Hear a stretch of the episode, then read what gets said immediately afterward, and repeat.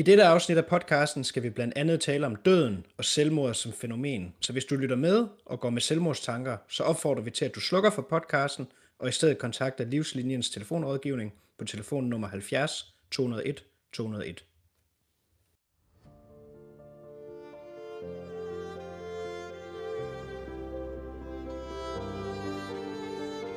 Ærede kunder i land og by. Velkommen til Massador Mix, eller rettere Matador Remix.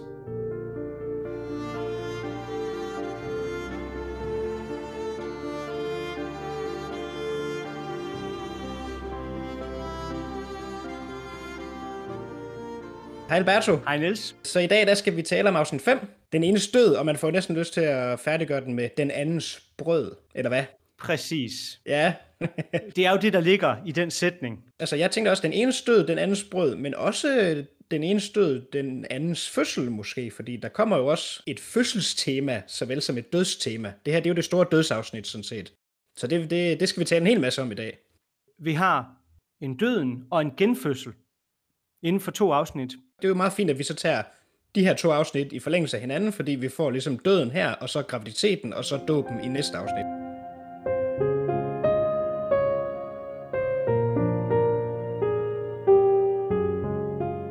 Okay, jamen lad os, øh, lad os springe ud i det. Øh, den første, første scene, det er jo, hvor at øh, Elisabeth vender hjem efter sin tur til Salzburg. Og øh, hun har jo nogle, øh, nogle gaver med hjem. Og der, der kan jeg så godt lide øh, Ulriks replik. Se, jeg har fået en dampmaskine. Måde er jo ligesom forfærdet allerede, ikke? Åh oh, nej, ikke en af de ting, der kan springe i luften, vel? og, øh, og det er faktisk en af de første ting, jeg har noteret mig. Det synes jeg er meget fint, fordi dampmaskinen, det er jo noget, der ligesom symboliserer den moderne tids muligheder og, og den moderne teknologi. Dampmaskinen blev ligesom hovednavnet i hele den industrielle revolution. Netop fordi ja. det er sådan en maskine, der kunne tilkobles til andre maskiner, så det er ligesom er med til at skabe sådan en helt maskindrevet produktion, et helt maskindrevet produktionsapparat. Så vi får ligesom moderniteten inden for dørene i det varniske hjem i sådan en miniatyrform, i kraft af Ulriks legetøj. Åh oh, nej, hvor farligt. Jeg må da naturligvis bange for det, ikke? Altså, det kan springe i luften. Jeg fik faktisk ja. sådan en, øh, en dampmaskine, da jeg var barn. De er meget sjove at lege med. Nå, det er rigtigt. Ej, hvor skægt. Ja, og så altså kontrasten til det er jo så, at Maud straks øh, ligesom øh, holder fast i det, hun kender, ikke? Og siger, at al, her er alt ved det gamle. Og Hans Christian, der ikke er nogen situationsfornemmelse. Ah, hvis Elisabeth kigger ud af vinduet, og, så Maud og Hans Christian, synes du, vi skal tale om det nu? Og det bliver jo værre, og det bliver værre endnu, ikke? Fordi at det, der udspiller sig her, er jo, at Elisabeth har haft tid til at tænke over hele sin situation, og det her med, at hende og Kristen så alligevel ikke øh, måske kan få hinanden, så hun vil flytte i en lejlighed for sig selv. Hvad tænker du om det her lille optrin, det her lille drama, der udspiller sig her? Jeg synes jo, at det er morsomt øh, optrin, og det er også forbundet med en scene senere, hvor at de hører en kvindeforkæmper, øh, der taler kvindesagen, og hvor hun forsvarer ideen om, at kvinder skal arbejde. Og der siger konsulinen jo, at det er jo fuldstændig håbløst, og hvad er det for nogle, hvad er det for nogle latterlige tanker, som om en husmor ikke har nok at Ja. gøre. Øh, Det er jo en senere scene, men det er jo noget af det samme, der er på spil her. Netop at, jamen, hvilken plads skal kvinden have? Og en kvinde, der ikke er blevet gift, skal hun bare blive til husholderske, eller en oldfrue hos den gifte søster? Eller altså, skal hun reducere sin tilværelse til en pebermø, eller hvad det nu er? Eller kan hun have sit eget liv, som Hans Christian jo også siger? Jamen, det er jo også op til hende. Og det er jo en konflikt mellem familie og de forventninger, der er der, og så forventningerne om selv at kunne leve øh, hendes eget liv som kvinde, som jo er en mulighed, der jo er ved at blive skabt for kvinden på det her tidspunkt, men som på ingen måde, man på ingen, på ingen måde kan tage for givet, hvilket vi også ser med Vicky, fordi at da hun bliver enke, der er forventningen jo hos mange, at hun skal flytte hjem til faren, Oberst Hackel, hvor at det vil hun jo på ingen måde. Så der er altså den her kamp mellem den gamle verden, hvor kvinder de hører til under manden i hjemmet, enten faderen eller husmanden, og hvis der, de ikke har en fader og en husmand, ja, hvad gør de så? Jamen, så skal de være enkefruer, eller på en eller anden, anden måde have en, en position. Ellers så øh, er de ikke nødvendigvis en del af det gode. Jeg kan godt lide, at du bruger øh, ordet oldfrue. Det er et fantastisk ord, faktisk.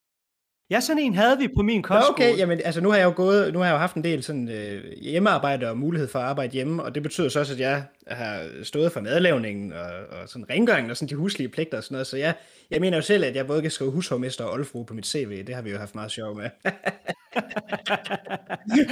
det tror jeg gerne. Ja, ja. Men jeg synes også, det er sjovt, fordi Hans Christian, altså en af hans kommentarer er jo, Elisabeth er jo et frit menneske, så altså, han, hun kan jo gøre, hvad hun vil. Og det er jo sådan set et, en moderne, hvad skal man sige, en moderne kommentar, eller Fuldstændig moderne. Syn, øh, Hans Christian har på hele den her situation. Også det her med, at han sådan kan, kan sådan øh, bløde, bløde, bløde situationen lidt op, eller han tager, han tager sgu ikke så alvorligt på det, når Maud ligesom begynder at brokse sig over, at øh, alt det, de har haft at se til, mens Elisabeth har været væk, at de er nødt til at hente ekstra hjælp, fordi altså underforstået, Maud kan jo ikke klare noget som helst. Så en af konerne hen fra banken har været nødt til at, at gøre rent, og Maud har kunne lugte hende. Jeg siger da, Elisabeth, hun svedte, og Elisabeth, ja, det vil du da også gøre, hvis du skulle vaske alle de trapper. Maud, jeg? Ja, det er det ved Gud, jeg ikke vil. Og så Hans Christian, ja, du kunne da prøve en gang at se. Det er en fantastisk kommentar. Men det er jo morsomt, fordi det Elisabeth fokuserer på, og det igen, vi talte også lidt om det sidste gang, men, men hendes, hendes egoistiske verdenssyn, øh, selvom det er forbundet med det kollektivistiske og det familiære, men de interesser, som hun oplister, som Elisabeth jo går glip af, det er jo hendes egne. Det er jo hendes egne behov, hun oplister. Jamen, hvad med børnene? Hvad med øh, huset? Hvad med? Og så videre, ja, og så videre. det gør de sådan set begge to. Hans Christian og ja. Maud, øh, på flere tidspunkter, det der med at bringe børnene ind i det. Altså Maud siger, bryder du dig ikke mere om børnene? Og øh, Hans Christian siger, gør det for børnenes skyld. Men de to har jo sådan set aldrig rigtig sådan, du ved, for alvor interesseret sig for børnenes tag. Altså, det, er jo, det, er jo, det bliver jo en problematik øh, senere hen, ikke? at de føler sig svigtet, og Maud har ikke været der for dem og sådan nogle ting. Ikke? Så, så det, der, altså, det er jo simpelthen tomme, øh, ja nærmest trusler kan man sige, ikke? men i hvert fald tom, tom tale, fordi det har, ikke, det har ikke rigtig noget på sig. Det er bare en del af den, den fortælling, de ligesom er indlejret i. Ikke? Der er børnene ligesom øh, en del af det. Jo, jo, men, men det er fordi, at børnene bliver ikke opdraget individuelt, som man opdrager nu om dagen. Børnene bliver opdraget kollektivistisk. Altså de bliver, så det vil sige, at de bliver opdraget i en kontekst. Det er jo ikke sådan, at de der, de der børn er projektbørn, som dem, der bliver født nu om dage, hvor hver eneste lille øh, barn jo er vores lille pus og vores øh, øjensten og et af alt. Jamen på det her tidspunkt, jamen, så får du børn som en naturlig del af livet, hvor børnene som sådan bare indgår øh, i det, der nu foregår. Og det der med at behandle børnene individuelt og med individuelle behov, jamen det er en moderne tankegang hvis man tænker på arbejderbørnene, så render de ud i gårdene og leger. Det her det er jo så det bedre borgerskab, så de, har, de går jo i skole, og de har børnepiger, og de har, men de bliver opdraget i en kontekst, hvor de på ingen måde er i centrum. Øhm, så, så på en eller anden måde, så jeg forstår egentlig fint måde og Hans Christians perspektiv, eller måde at opdrage på, fordi at det er en kollektivistisk måde. Det er ikke sådan noget med, at de skal sidde øh, og behandle børnene som individer. Nej, de, de børn er bare en del af det hele, og de skal opføre sig ordentligt, og de skal følge alle de her regler. Ja, ja, men ja, det forstår jeg godt, men jeg synes jo ikke, at de opdrager dem. Det er jo Elisabeth, der sådan set øh, har Mauds rolle hele vejen igennem. Øh, det er jo hende, der sådan set agerer mor for de børn der, mens hun er der. Ja, det er rigtigt. Så på den måde synes jeg, det er tom tale, for det er rigtigt nok, at den måde Elisabeth også selvfølgelig tager sig af børnene og sådan noget, det er selvfølgelig en del af den her fortælling her, ikke? og de her forskellige normer og sådan noget. Det er jo ikke, fordi det afviger som sådan fra det, men Maud er jo fuldstændig fraværende i børnenes liv. Altså. Jo, men det er jo fordi, at du tillægger, du tillægger det at være mor, rollen, også at være moderlig. Og det er, der, det, det er der bare ikke nødvendigvis i en kollektivistisk øh, verden, fordi der er det jo familien, der opdrager altså, som jeg ser det, så er det ikke fordi, at Elisabeth bliver mor. Nej, hun er tanten. Men det er fordi, at i en verden, hvor at vi ikke er individer, så er det hele familien, der opdrager kollektivt. Og på den måde, så er Maud jo biologisk mor, øh, men hun er jo ikke moderlig. Alle kvinder er ikke moderlige. Der er nogle kvinder, selv i vores øh, altså individualistisk kontekst, som på ingen måde er moderlige. Så jeg vil, jeg vil alligevel sige, at ja, du har ret i, at det er ikke fordi, at Hans Christian og Maud, de øh, opdrager de der børn synderligt aktivt hver især, men hele konteksten opdrager dem. Altså familien opdrager jo, jo. børn. Men, men, men andre, som ikke har en tilsvarende søster, der bor hjemme, opdrager vel selv deres børn. Så, altså Maud kan jo bare opdrage dem, som Elisabeth har opdraget dem. Altså, så det, at Elisabeth flytter, burde jo sådan set ikke rykke noget ved det, for de er jo stadig en familie. Altså Maud og Hans Christian kan jo bare opdrage børnene. Og det er jo, jo, jo. Det er jo også et tema, der vender tilbage, ikke? Altså det her med, og det, det markerer selvfølgelig også brydningstiden, ikke? At, der, at de børn, der så vokser op, vil måske opdrage deres egne børn på en anden måde, fordi de, de ser jo også, da Helle kommer til, at Maud pludselig har kræft, og det er jo det, Elisabeth siger, hvordan kan det være, at børnene begår oprør? Jamen det er fordi, de ser, at du, Maud, pludselig har kræfter til at agere mor og, og, og være, der, være der for Helle. At hun så viser sig ikke rigtig at være det, det, det er sådan noget andet. Altså, hun, hun, det er begejstringen over, at, at de skal have det her nye barn her, der ligesom er, er i fokus. Men de spørger måske sig selv, hvor var du hen, da de havde brug for dig dengang? Så det markerer ja. også ligesom en, en, måske en, en forandring i måden at se forældre-barn-relationen måske. Ja, helt sikkert. Det er sjovt, fordi når vi lige har, når vi lige har den her op at vende, så, øh, så læste jeg faktisk lige i dag i øh, Jakob Vind Jensen og Christian Mongårds øh, nye store bog Matador. Der citerer de på et tidspunkt øh, Erik Balling, der til Dagbladet Ringsted i 1979 fortæller om, at Matador også var et personligt projekt, ja selvfølgelig både for Lise Nørgaard, men også for ham som instruktør. Og måden ligesom at portrættere de her mennesker på, de her figurer, var også et led i for ham at forstå sine egne forældre, som han faktisk aldrig rigtig fik kendt. Altså han, han havde kun et overfladisk forhold til dem. Og det er denne generation, han kalder de sidste viktorianere. Øh, ja. Så Maud og Hans Christian vil være hans forældres generation. Og jeg skulle lige til at sige det, øh, Nils, fordi de lever i en periode, de oplever den gamle verdens fald. Altså, de lever en periode, hvor de oplever Første Verdenskrig, hvor de oplever en rivende udvikling, hvor de gamle sæder ganske enkelt bryder sammen, hvor at der bliver nogle helt andre måder at organisere samfundet på og forstå sociale lag og sociale roller. Vi taler om, at der har været en kæmpe udvikling med iPhone. Yes, yes, det er fint nok. Men, men for 100 år siden, der kom der nogle ryg, der fuldstændig rystede den måde, som samfundet var skruet sammen på, på en måde, som vi ikke har set. Og det, og det er interessant, fordi der nævner han, Erik Ballings forældre, det, det er noget, han snakker om, at det er tidstypisk for, for deres generation, at man først betragter krig og i særlig høj, høj grad Første Verdenskrig, så noget kuriøst, noget der foregik på afsides arealer, og sådan, ikke noget, der direkte rørte civilbefolkningen på den måde. Og på samme måde også med depression i 30'erne, der var heller ikke lige så stor grad af information, der nåede frem til provinsen som i dag. Og alt det ændrede sig simpelthen med 2. verdenskrig. Der er vi jo slet ja. ikke endnu i serien, kan man sige, men det er i hvert fald nej, nej. det er en af forklaringerne på, hvorfor det også bliver portrætteret, at vi ikke rigtig hører så meget om krisen i Matador, i hvert fald ikke sådan direkte, ikke? Og så er der faktisk flere små øh, henvisninger til det, og en af dem, som vi har lagt mærke til, det er i øh, en af de to foregående afsnit. Der, er der, der ligger der en avis, som Hans Christian han har fat i, hvor der står, at øh, den engelske børs, den krakker, og at man ikke længere kan indveksle guld. Øh, så før i tiden, der var alle penge, de var hægtet op på en guldstandard. Og det betyder, at du kan gå ind til banken, og så kan du sige, ved du hvad, nu vil jeg gerne have de her 10.000 kroner i sædler afleveret om i guld, altså guldbar. Pointen er som sådan bare, at børskrakket bliver nævnt i, i det små, og i den her vending, det er tiderne. Ja, og jeg synes faktisk, altså, så det bliver nævnt i, øh, i nogle avisoverskrifter og sådan noget, men jeg synes jo generelt, at man kan se den her øh, ofte sådan u, uinter, uinteresserethed, eller hvad man du skal kalde det, øh, og distance til, til verden udenfor i sådan nogle vendinger, som den annonce angår ikke os, som Albert for eksempel siger.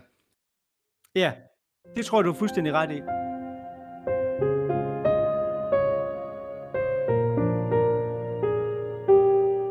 så, øh, så er der også noget andet, som jeg lige synes, jeg vil... Øh... En morgenscene.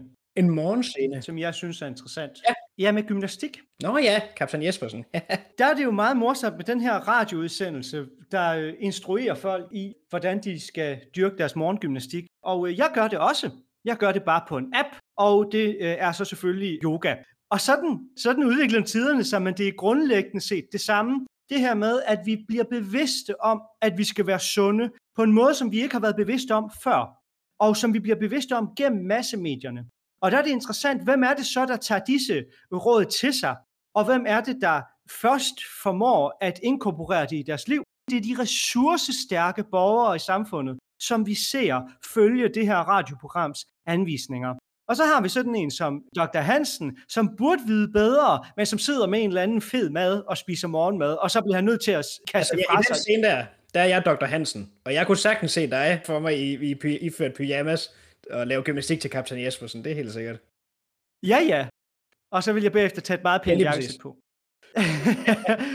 Men, hvad hedder det? Jeg synes bare, det er sjovt, det her med den fitness uh, dele eller fitnessbølge, som vi jo hele tiden taler om, og som vi altså indlever i, og den måde, som vi i dag ser vores kroppe, jamen så kan vi se sådan nogle øh, eksempler på, hvordan wellness-industrien den udvikler sig.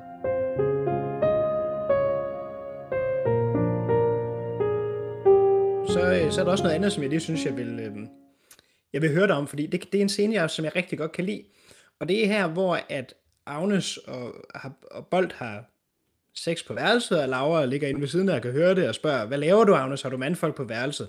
Og så øh, gemmer Bolt sig i skabet i køkkenet. Og så kommer ja. og Hans Christian hjem. De har været til et, et selskab. Og jeg kan godt lide den scene, der udspiller sig der, fordi det er sådan en, en meget ærlig scene på en eller anden måde, hvor Maud og Hans Christian er mere sådan frie, eller de er mere sådan sig selv, eller hvad skal man sige, der er ikke så mange facader, der er ikke så mange sådan, sådan etikette, eller hvad skal man sige, de, de sætter sig ligesom dernede, øh, og man kan sådan fornemme, at de har en fortid sammen, og de holder af hinanden, trods øh, den her kulissetilværelse, eller hvad, hvad man du skal kalde det, som de lever til dagligt. En flot måde og sød måde at beskrive deres relation, hvordan den også er. Det tror jeg, du har ret i, men, men der ligger også en eller anden sjov nostalgi i, at de, de kan kun være glade for hinanden, når de tænker tilbage. Og så snart, at Maud, hun bliver mindet om virkeligheden, så ryger hun tilbage i den her rolle af, at alt er forfærdeligt, og, øh, og vi er på kanten af, at hele verden den Fuldstændig. Altså, jeg tror, du har ret i, hvad du siger, men samtidig så er det også sådan lidt overfladisk, at, deres, at der, hvor deres relation er bedst, det er, når de nostalgisk, romantisk vender tilbage til en fortid, som er væk. Og grund, jamen det er fuldstændig grunden til, at de ligesom kan, kan vende tilbage i, til det her øjebliksbillede, sådan nostalgisk uh, walk down memory lane eller sådan noget, det er jo ligesom, at hun synes, at nu er alt, som det altid har været. Hun synes lige, ja, hun synes lige, at alting var så godt, før Hans Christian nævner, at Albert nok krakker, og han ikke ligesom, øh, altså den her forestående konkurs, ikke? Så, så får hun det der blik i øjnene, hvor hun så er tilbage i den der, den, den, den måde, som vi kender hende så. Netop. Og det er en fin, jeg kan godt lide Hans Christians formulering. Det giver en stakket varme et pisse i bukserne. Det passer lige på Alberts situation. Altså alt det her, det er simpelthen kunstig åndedræt, ikke? Altså nu, nu, er det, nu er det ved at være slut. Og det står Bold jo så og lytter på inde i skabet der. Og der finder man jo så også ud af bagefter, hvor stor en idiot Bold egentlig er. Det er jo også nærmest et, et, et lille sådan subplot i det her, i det her afsnit, ikke? Altså fordi så, grund til, at Agnes jo ligesom går med til, at han skal med ind og sådan noget, det er fordi, at, at de er forlovet, og så skal de hjem og hun skal hjem og præsentere ham for sin mor og sådan noget, og han siger, ja, ja, ja, kom nu bare. Så, så de, hun føler jo ligesom, ja, at de har ja. en aftale, ikke? Eller, og det, det, det er han jo overhovedet ikke med på, når det så kommer til stykket. Han, han skulle jo sådan set bare... Det snakker vi om. Ja, lige præcis. Ja, ja, ja det, det taler vi om, ja. Lige præcis. Ja, men han er, han er jo egentlig frygtelig. Men det er jo morsomt, fordi han er jo også den her højskolemand. Altså, så der er den her dobbelthed i, at på en eller anden måde, så skulle han repræsentere noget, eller folket, der er blevet dannet, og repræsentere en eller anden form for mere oplyst måde at være til på. Og samtidig så er han bare øh, det her røvhul, der ikke tager ansvar for sin egen ja, tilværelse. altså lige inden Agnes kommer ind på Jernbanerestaurant, der, der går han jo der og synger, ikke? From var hun i hjertet, i adfærd så blid, var rød som en rose, som liljen hvid. Og så, så kommer Agnes ind, og så, og det, det er sjovt, den der lille strofe der, altså det kunne godt være Agnes, han taler om der, ikke, på det her tidspunkt her, eller synger om. Og så Agnes, ja. vi skulle hjem til mor, nå, nå ja, det, det er da sandt, øh, det må vi jo så klare en anden dag. Jeg kan godt lide den der brug af sådan noget, folk der bryder ud i, i sang for at understrege en situation eller sådan noget. Min, min yndlingsscene i den sammenhæng, det er uh, Harry, Dynamit Harry, Harry Fransen i Olsenband. Olsen Band går amok, hvor han er på vandvognen, og så lukker de ham jo ind i den der ølbil, ølvogn der, og så falder han jo i. Og måden den der viser hans lyksalighed over nu at smage de her gyldne dråber igen, det er, at han bryder ud i sang. Og blandt andet synger han øh, i, i snester urt og busk i skjul. Og, så det er, jo ikke, det er jo ikke sådan en drikkevise, han synger, men på en eller anden måde understreger det meget fint den situation. Og sådan et, et strofe fra et Jeppe her, hvad hedder det, hvor han synger, hvor kan I dog gruble og græde, så længe Guds himmel er blå? Mit hjerte skælver af glæde, når dukken dynker et strå. Og det er jo ikke, eller blot, blot dukken dynker et strå, men det, og det er jo ikke en drikkevise, men på en eller anden måde understreger det fantastisk den her, den her lyksalighed, han oplever ved at, ved at drikke en pilsner igen. Nå, men det synes jeg bare var, det synes jeg er meget sjovt.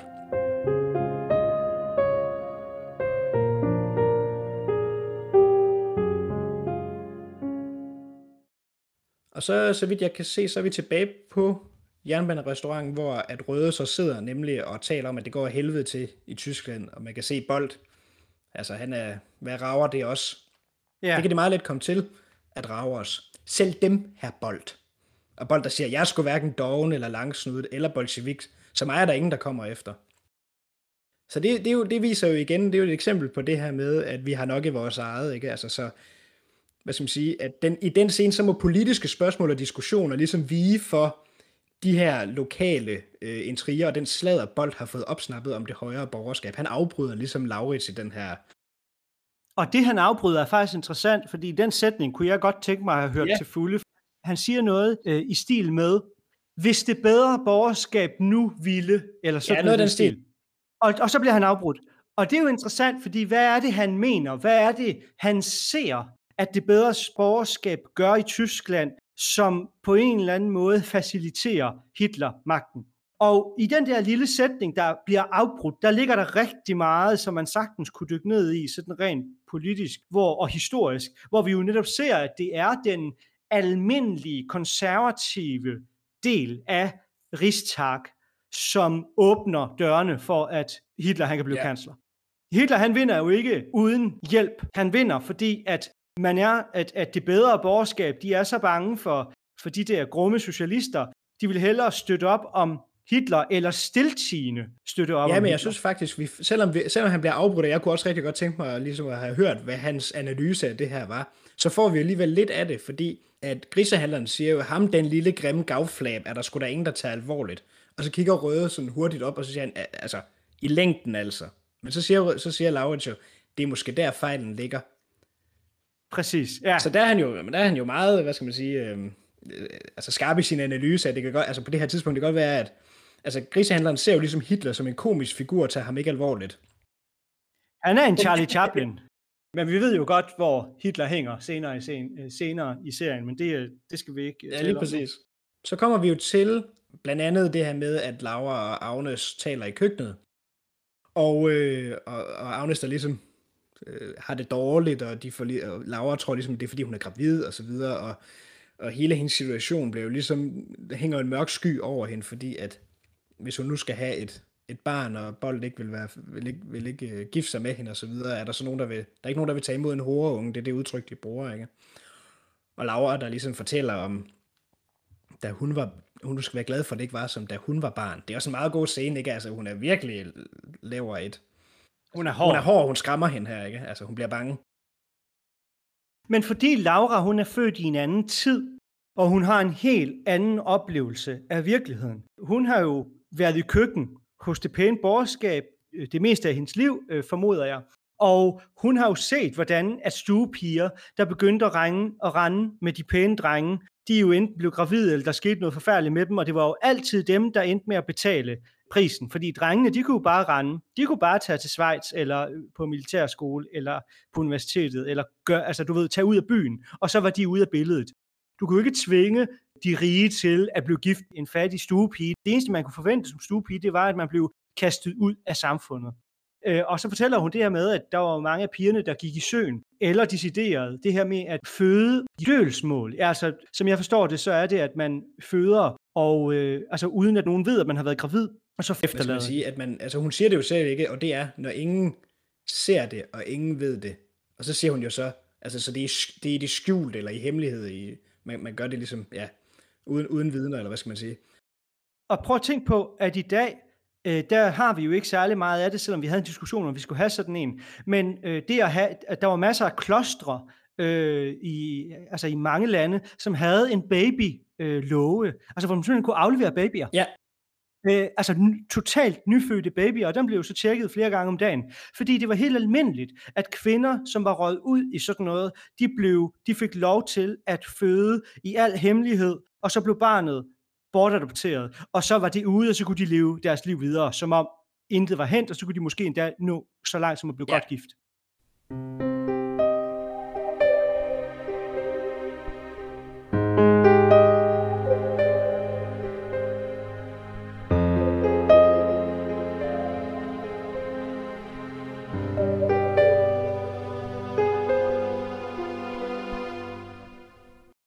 Okay, jamen så, og så kommer vi så til den scene, hvor Albert skal i banken. Og han, øh, han er jo sådan set ved godt mod. Gammelt venskab ruster jo aldrig. Ja, han har jo en ukulig tro på, at det nok skal gå, det her. Jeg har tænkt, jeg, jeg tror, jeg kommer til at gennemgå Hasvan for samtlige replikker, fordi den mand, han kommer med så mange ordsprog. Altså halvdelen af hans, det han siger, det er, jo, det er jo ordsprog. Og det er jo meget morsomt, fordi ordsprog, de er jo en kilde til folkelig visdom. Men nogle ordsprog mister deres betydning over tid. Og der øh, vil jeg gå ind i mange af de ordsprog. Jeg husker også et, et andet ordsprog fra en tidligere episode, som jeg ikke fik nævnt. Det er, det er Katrine, der siger, at med måde er alting ja. godt. Og det er jo en dydsetisk livsforståelse, som jeg også helt sikkert kommer til at gå ind i. Men, men hvad, hvor kommer det ordsprog fra? Og alle de ordsprog, som vi kommer til at høre øh, i løbet af serien, dem vil jeg helt sikkert gå ind i og kigge på, hvad det er for en livsvisdom, som de deler ja, med os. Det, bliver, det lyder rigtig spændende hvad hedder det, man ser så Albert, der går i banken, og vi får ligesom hele scenen, hvor at Hans Christian jo får taget sig sammen og siger, at han kan, han kan ikke yde ham et lån, fordi han har ikke den sikkerhed, der skal til, og han kan ikke, ja. han kan ikke stampe mod bestyrelsen. Så ser vi Albert, der jo må forlade banken, og siger farvel til Hans Christian, og Herstein kommer løbende ud med Alberts hat, og det viser jo ligesom, at han er helt forsnøvsen, og han har glemt sin hat, ikke? Altså det begynder, det, det, ja. det krakelerer for ham, ikke? Det, det viser de igennem hatten, eller at han glemmer, øh, glemmer hatten der. Du kommer til at tale om mange hatte i den her serie, kan jeg fortælle lytterne. Ja, og så kommer han hjem, og Vicky er på vej ud af døren.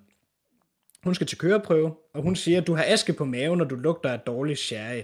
Altså også nogle tegn på det her forfald, eller at, ja. han, at han ligesom ikke kan holde sammen på sig selv længere.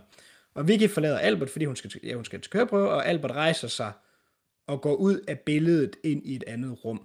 Og man hører så lyden af, måske er det en skuffe, der trækkes ud, eller et håndtag, der drejes, eller en pistol, der tages ud, eller et eller andet. Det er ikke sikkert, det er en pistol. Der er ikke, Nej, der er ikke noget skud. De har ikke hørt noget knald nede i forretningen, selvom Misse og konsulene Holm og sådan noget senere taler om, at der er flere, der synes, de har hørt et knald. Men det burde de jo så have hørt nede i, i forretningen. Så der er jo sådan en, det er jo sådan lidt, hvad skal man sige, det er i hvert fald mere tvetydigt, om Albert har begået selvmord, end for eksempel Købmann Munk, som man hører de siger på et tidspunkt, at vi skal også øh, kigge på stumperne efter Købmann Munk, det siger øh, herr Stein til Hans Christian, og senere siger Inken jo, det var der min mand, mand skød sig. Men jeg synes ja. alligevel, at det er tydeligt nok, at Albert har taget livet af sig selv, selvom, selvom, selvom det ikke er sådan lige så, lige så klart fortalt, som det er med Købmann Munk for eksempel. Konsulene Holm, hun spørger, hvad døde han af? Det taler man ja, ikke om. Er det ikke sært? Og så svarer øh, øh, Misse, jamen han skød sig vist med, med operstens pistol. Der er vi ude i de der konspirationsteorier, som, som ryger rundt. Men der er jo flere ting. Altså, vi får både at vide, at det er gas, og så siger øh, Dr. Hansen, at han fik et hjertestop. Øh, og jeg tror ikke, at Dr. Hansen han vil lyve. Jeg mistænker, at han enten simpelthen får et hjertestop, og, og det vi hører, det er, at han falder om på gulvet. Eller alternativt, at han rent faktisk tænder for gassen, og så får et hjertestop deraf. Men under alle omstændigheder, så lader serien det være et tema, Altså serien lader døden og selvmordet være et tema, og det synes jeg er smukt, at den gør det på så tvetydig og diskret Ja, lige måde. præcis. Altså, og det synes jeg, vi skal tale om, fordi jeg vil, præsentere, jeg vil præsentere min analyse af, hvad Albert er for en figur, og hvad det her siger om deres forhold til døden. Det vil glæde lytterne, at øh, de simpelthen får hele din analyse allerede nu. Ja, ja. ja, ja. Jamen, det, det er jo det store dødstema. Jeg har en lille forkærlighed for Albert, fordi han, altså selvom han er udygtig, og han er, og han er snobbet, og han er alt det der, men han er da sgu så rar. Øh, han er jo egentlig ret uskyldig, altså han har fået alt i livet serveret, uden at skulle gøre noget for det, og han har levet op til de gængse normer, og han har forsøgt at leve øh, sit liv på en, på en god måde, men har ikke kunne håndtere det. Altså han er egentlig en tragisk figur, og jeg har medlidenhed med ham, og jeg bliver ked af, altså jeg bliver altid ked af, når jeg ser det her afsnit, og ser ham gå bort, fordi han er også en meget velklædt mand, og det er jo noget, som jeg også sætter pris på. Ja, lige præcis. Det sætter jeg også øh, øh, stor pris på. Men jeg vil faktisk, altså, jeg vil faktisk gerne argumentere for, og det er sjovt, fordi normalt, så når man snakker om karaktererne i Matador, så vil man fremhæve sådan nogen som Maud og Agnes som de mest interessante figurer, fordi det er dem, der udvikler sig mest. Og det er jeg sådan set også enig i, men jeg vil også argumentere for, at Albert er en lige så interessant figur som de to. Man ja. kan sige, hvor Agnes og Maud ligesom udvikler sig, så repræsenterer Albert sådan det diametralt modsatte, og dermed skaber kontrasten til den udvikling, både den personlige og den samfundsmæssige, igennem sådan en personlig åndløshed og en kulturel stagnation. Ikke? Og jeg synes, Albert på en måde er en slags grænsefigur, fordi på den ene side, så er han helt igennem bestemt af ydre faktorer, altså sine privilegier, sin position, sin besiddelse og materiel rigdom, selvom det selvfølgelig stadigvæk er sådan lidt provincielt. Men når vi piller dem væk, en efter en. Altså mindre og mindre omsætning i butikken, salget af bilen, tvangssalget af sommerhuset, han glemmer sin hat til mødet i banken, hvilket selvfølgelig viser det her med, at han er fuldstændig fra den, til vi ligesom er inde ved kernen af socialsfæren, altså hjemmet og familien, som den første enhed, som du snakker om, som, eller som vi snakkede om sidste gang. Og det er jo for Albert Vicky, det er jo hans kone. Men hun skal til køreprøve og smutter, hvilket så vil sige, at alt hvad der definerer ham er væk, det vil sige, at han er egentlig allerede død. Det her med, at så, så det kunne tælle for det her med, at han simpelthen får et hjertestop, fordi så er Albert-figuren simpelthen væk, der er ikke mere tilbage, når vi skræller alt det her væk. Det er sjovt, fordi der er en, øh, en norsk forfatter, der hedder Stig Sætterbakken, der har skrevet en bog, der hedder Der, hvor jeg tænker, at der altid er mørkt. Og der skriver han følgende om selvmordet. Og det er uhyggeligt, fordi han begik faktisk også selvmord nogle år efter, at han har skrevet den her. Men der har han en lille kort analyse af det. Så han skriver, jeg citerer, Selvmordet er sådan set selve definitionen på den nyttesløse handling, snydt for alt, selv for den unytte, som motiverer den, forestillingen, romantisk om en sidste tilbageværende mulighed for at gøre noget ved det hele, i betydning kassere selve forudsætningen for at gøre noget ved noget som helst, det vil sige ens selv og ens eget liv. Sandheden er, at der ikke er noget at tage livet af, fuldstændig på samme måde som der ikke er noget at leve for, ikke noget tilbage, hverken liv eller død. Og det passer godt på Albert, hvis man ligesom læser ham som, som den her fuldstændig hule figur, der udelukkende er bestemt gennem ydre faktorer, og når vi skræller alt det væk, så er der faktisk ikke noget tilbage, så er han allerede død. Og man kan sige, at selvfølgelig er Albert en æstetiker, han er en levemand, han er en spidsborger i sådan en almindelig forstand. Netop, ja, rigtigt. Men i eksistentiel forstand, så vil jeg faktisk mene, at han falder uden for øh, det, som Søren Kierkegaard vil kalde eksistenssfærerne, eller øh, stadierne netop som det æstetiske, etiske og religiøse. Men der vil han snarere være karakteriseret som spidsborgeren, defineret som den åndløse, det vil sige den, der ikke har et selvforhold. Og i yderste forstand er det faktisk et, et umenneske, for mennesket hos Kierkegaard er defineret som det at forholde sig til sig selv. Så det, det er sådan den ene læsning, og den anden læsning er, det er en hård læsning. Men den anden læsning er, at han faktisk først til allersidst, da han beslutter sig for at begå selvmord, hvis vi læser det sådan, eller fortolker det sådan, at han begår selvmord, for første gang forholder sig til sig selv og sit eget liv og sin egen situation.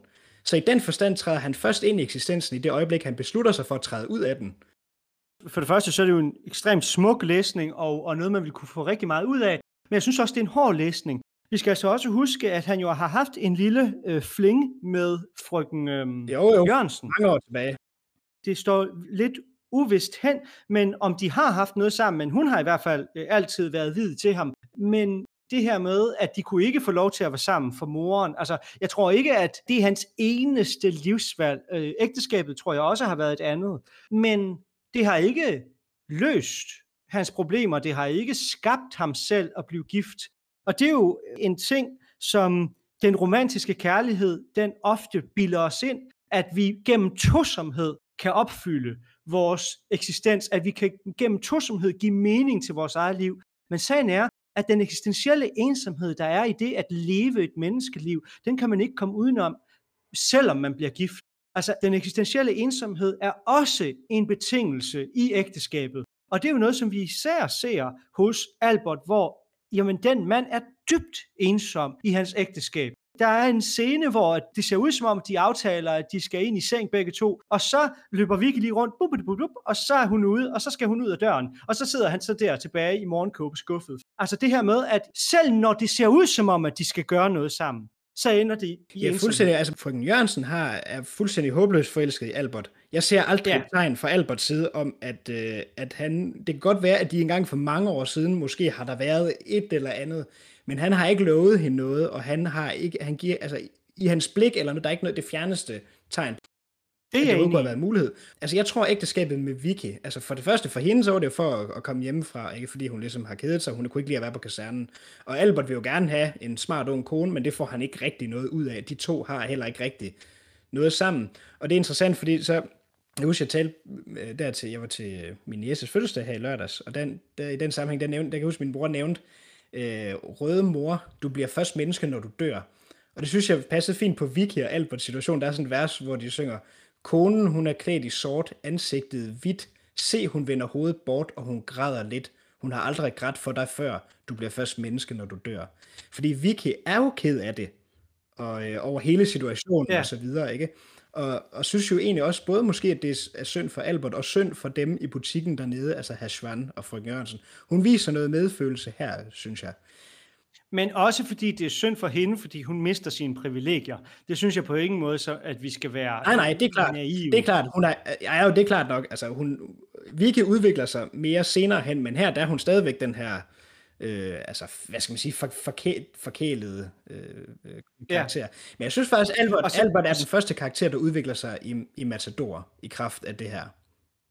I kraft af, af det mulige selvmord. Ja, det vil jeg, det vil jeg, det, det vil jeg faktisk øh, hævde.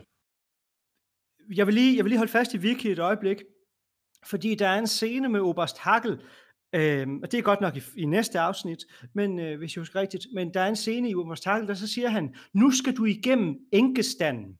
Men, men det skal du ikke være bange for. Bagefter enkestanden, altså med, med andre ord, når du engang bliver gift igen, så begynder livet på ny. Det er jo en, en, en fantastisk ting. Altså, Oberst Hackel, han tænker jo i positioner. Han tænker i den gamle orden. Så nu skal hun gå i enketøj, hvad ved jeg, måske et til to år, fordi hun skal holde øh, sørgetiden. Og efterfølgende, jamen, så kan hun så begynde at søge efter en ny mand. Og indtil da burde hun være under hans værve. Ja, ja lige præcis. Og det er jo også det, hun, hun er ked af og frygter, at Oberst Hackel skal komme. Ja, ja, det er hun, er hun på ingen måde interesseret i. Men, men lad os gå tilbage til, til selvmordet. Det har jeg også flere ting, som jeg vil nævne, men, men du, har, du var i gang med at sige noget om... Nej, men jeg synes, at, Al, jeg synes, at dødstemaet og Albert, som, som altså, jeg, jeg synes, at Albert er en, en, hvad skal man sige, en figur, der lige i sidste øjeblik her i hvert fald træder, altså, tager en det, at han tager en beslutning, og viser også, at han forholder sig til sit eget liv og til sin egen situation, hvis vi læser det sådan, at han begår selvmord. Men jeg synes, at det er interessant, fordi vi ser jo ikke, vi ser ikke selvmord, vi ser ikke døden på noget tidspunkt, og der er flere forskellige scener i løbet af serien, der handler om døden. Men det interessante er, hvordan, de for, hvordan forholdet til døden er, og hvordan det bliver fortalt. Altså jeg vil jo sige, at det er tabubelagt øh, på det her tidspunkt. Og det er jo øh, en interessant ting, men det er jo fordi, at det er forkert at begå selvmord. Det er moralsk forkasteligt at begå selvmord. Så man skal på en eller anden måde dække det til. Øh, hvis vi kigger historisk på det, eller altså filosofihistorisk på det, øh, så har vi, altså så hvis vi går tilbage til, til Platon, jamen så siger han, at det er respektløst, og at man skal efterlade øh, selvmordere i umarkerede grave. Og Aristoteles han siger, jamen altså, der er som sådan ikke noget imod, at du begår selvmord, hvis, hvis du gerne vil det. Men det er forkert, fordi at du ikke tager hensyn til det samfund og den familie og den kontekst, som du indgår i. Så det vil sige, at du øh, begår noget, der er forkert, på grund af de konsekvenser, det har for andre. Og så er der sådan en, hvis vi bliver os ud over den græske tænkning og kommer ind i den, i den kristne tidsalder, så kan vi tage sådan en som Augustin eller Thomas Aquinas, der vil fokusere på øh, sådan noget som, jamen for det første, du må ikke slå ihjel, det inkluderer dig selv. Øh, for det andet, du må ikke, det har dårlige konsekvenser for det samfund, som du er en del af. Og for det tredje, så forbryder du dig imod Guds lov. Og det her, det er altså en helt firkantet regel. Altså indtil bare for ganske få år siden, så ville hverken den protestantiske kirke i Danmark eller den katolske kirke i alle mulige andre lande tillade, at man begravede selvmordere i hvid jord. Det skal vi altså lige huske, og det er først øh, nu om dagen, at man har åbnet op for det. Sådan en som Hume, han er den første filosof omkring 1700-tallet, der, der skriver en lille pamflet, der hedder Of Suicide. Og øh, det er en helt fantastisk lille tekst, hvor han går kød på Thomas Aquinas især. Og han er den første til at argumentere for, at selvmord er, moral, er ikke moralsk forkasteligt, og det er moralsk tilladeligt at begå selvmord. Det er altså i slutningen af 1700-tallet, at det første skrift, som til forsvar for selvmordet kommer. Så når vi så sidder der i øh, 1931, stadigvæk med en kristen moral, med den gamle filosofiske ballast, det her med at forstå selvmord som noget acceptabelt, eller som en, et livsvilkår, som der overgår nogle mennesker, det er en dybt moderne tanke hvis du spørger de mennesker, der er på det tidspunkt, jamen så har de, en helt, altså, så har de den her historiske, eller idehistoriske ballast. Ja, i uh, Camus' Sisyphus-myten i begyndelsen der, uh, af den bog fra 1942, der skriver han jo faktisk, der findes kun et virkelig alvorligt filosofisk problem, selvmordet. At afgøre, om livet er værd at leve eller ej, er at besvare filosofiens grundspørgsmål. Smukt. Så der sætter han jo virkelig selvmordet ind på den filosofiske dagsorden. Altså, Øh, men det, og, og som du nævner der, det, det har jo allerede været et, et, et, et tema og sådan noget, men Camus gør det så til filosofiens grundproblem. Det, det kunne jeg godt tænke mig, at du udvider, hvorfor han gør det. Altså, det er vel netop på grund af modernitetens grundvilkår, hvis, hvis du lige vil uddybe, hvorfor det bliver filosofiens største spørgsmål i 20. Ja, det bliver jo sådan et, et ja, lige præcis en analyse af, hvad skal man sige, af menneskets grundvilkår, det er jo sådan inden for sådan en eksistensfilosofisk tankegang, og han kobler det jo sammen med erfaringen af det absurde, ikke? som også er, hvordan, mennesker, hvordan den her asymmetri mellem mennesker og verden, hvordan den kan opleves osv. Så, så det er jo et spørgsmål om øh, livets mening, hvor selvmord så ligesom bliver en, et, et, hvad skal man sige, det, det omdrejningspunkt, han så kobler op til det spørgsmål der. Før det, der har det jo været sådan, at døden har været et stort tema. Men døden har altid været et stort tema, ikke med selvmord som blik. I den græske tradition, så har vi sådan en, som Sokrates siger, at livet, det er at forberede sig til døden. Og i den kristne tradition, der har vi jo masser af billeder med munke, som sidder med menneskekranier og kigger ned i dem. Sådan en som Frans af Assisi er typisk portrætteret med et kranie.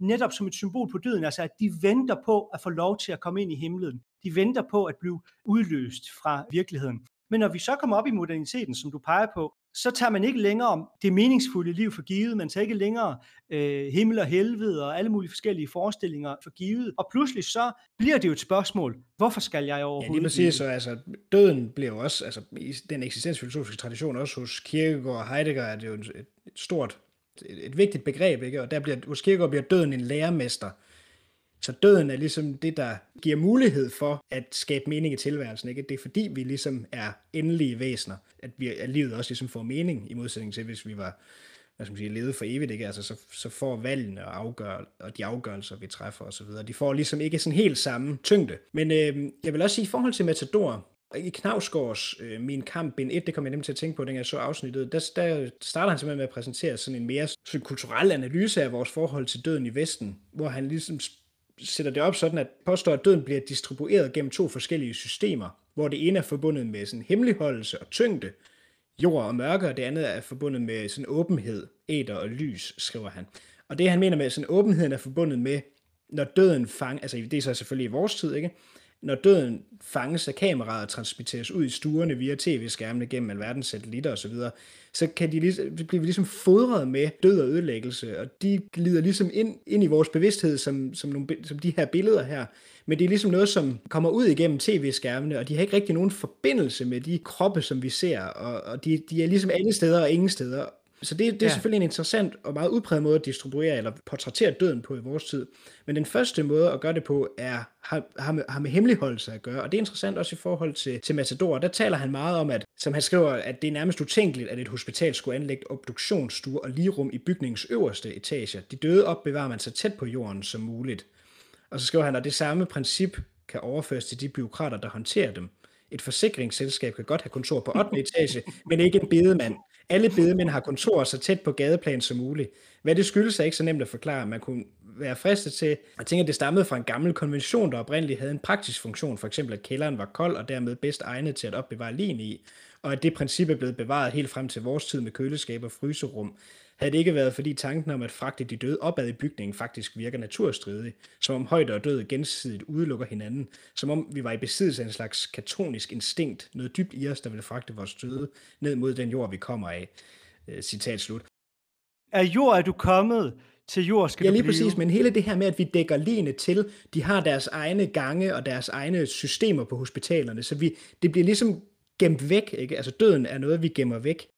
Og det er jo det samme med Matador, ikke? Vi taler ikke om, hvad Arnesen døde af. Altså de der damer sladrer sig om det alligevel, Konsuline Holm og, Netop. og så videre, ikke? Men så det bliver ligesom også snarere den kulturelle hvad skal man sige, den kulturelle praksis og den her sociale normativitet, der omgiver døden, som bringes i, i spil.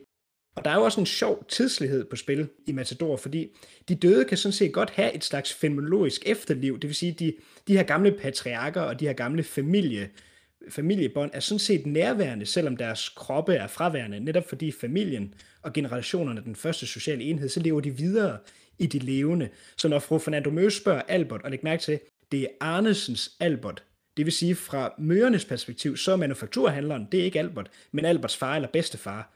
De flyder Ja. ligesom sammen til en sådan ancestral tilstedeværelse. Spørg om hans mor er hjemme.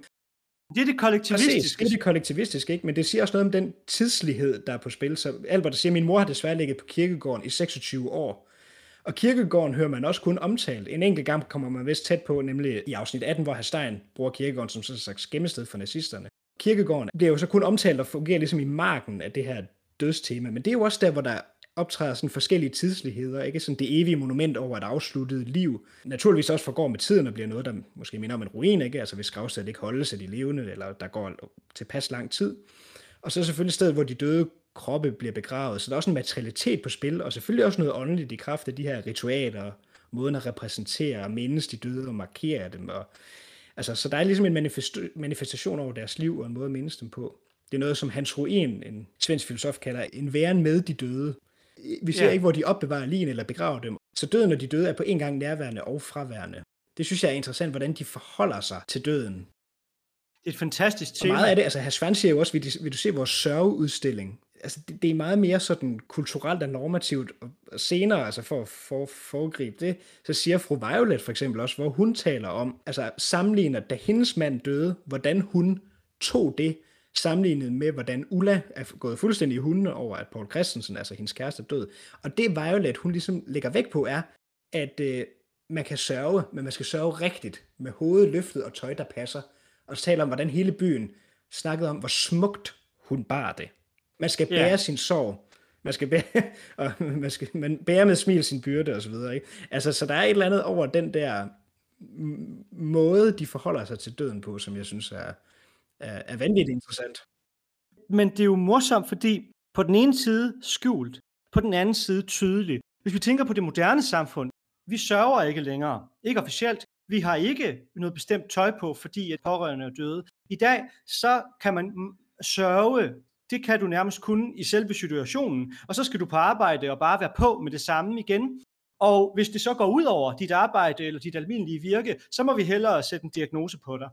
Altså, så det her med, at du kan sørge aktivt med din adfærd og med dit tøj, og at det gør, at der bliver plads til dig, og, og den virkelighed, som du er i på en anden måde, som der ikke er plads til i vores moderne samfund, hvor vi skal videre og videre. Nej, videre. men det viser også noget om, at Matador trods alt er mere, hvad skal man sige, socialrealistisk end, end nogle af sine sådan, altså nogle af sine forgængere, altså hvis man sammenligner med Huset på Christianshavn, eller, eller sådan noget som Olsenbanden, ikke? Altså jeg husker ikke, der er nogen, der decideret dør i Olsenbanden.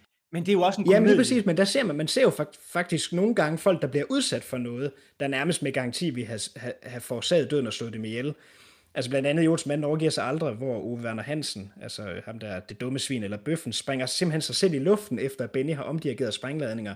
Altså simpelthen en voldsom eksplosion lige under hans fødder, men han dør ikke af det. Så, så det er jo klart, at som Matador er ligesom, så, så folk dør, men vi ser ikke døden direkte, og alligevel er den, så at sige, nærværende. Så det er i hvert fald også en af de ting, man kan tage fat i. Det er et stort, det er et stort tema, synes jeg. I hvert fald i det her afsnit, og det kommer også tilbage i andre afsnit jeg kunne sagtens finde på at gå ind i de moralske argumenter for og imod øh, selvmord, og se på, hvad filosofien har sagt om, om døden og selvmordet. Men det kommer lidt an på, hvad der bliver plads til, til selve undervisningen. Men det kunne være et, et oplagt Ja, lige præcis. Tema. Det kan også være, at jeg kommer ind på det, men så bliver det i forbindelse med ja, analysen af tingene, analysen af stederne, og sådan, noget, eller måske narrativ, det store narrativ, altså de der ting, jeg gerne vil tage fat på, så kan det være, at det kommer ind under det, hvis det, hvis det giver mening.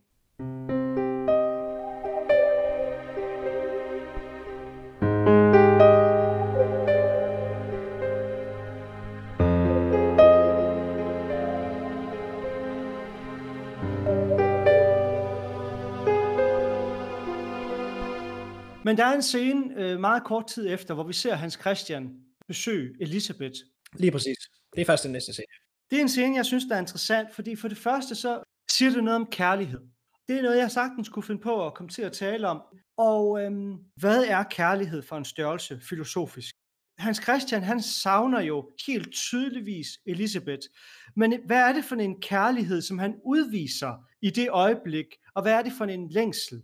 Og der er det sådan, at i den græske verden, der øh, deler man kærligheden op i fire øh, kategorier. Man taler om filia, det er venskabskærligheden. Man taler om eros, det er hvad skal vi sige, den seksuelle kærlighed.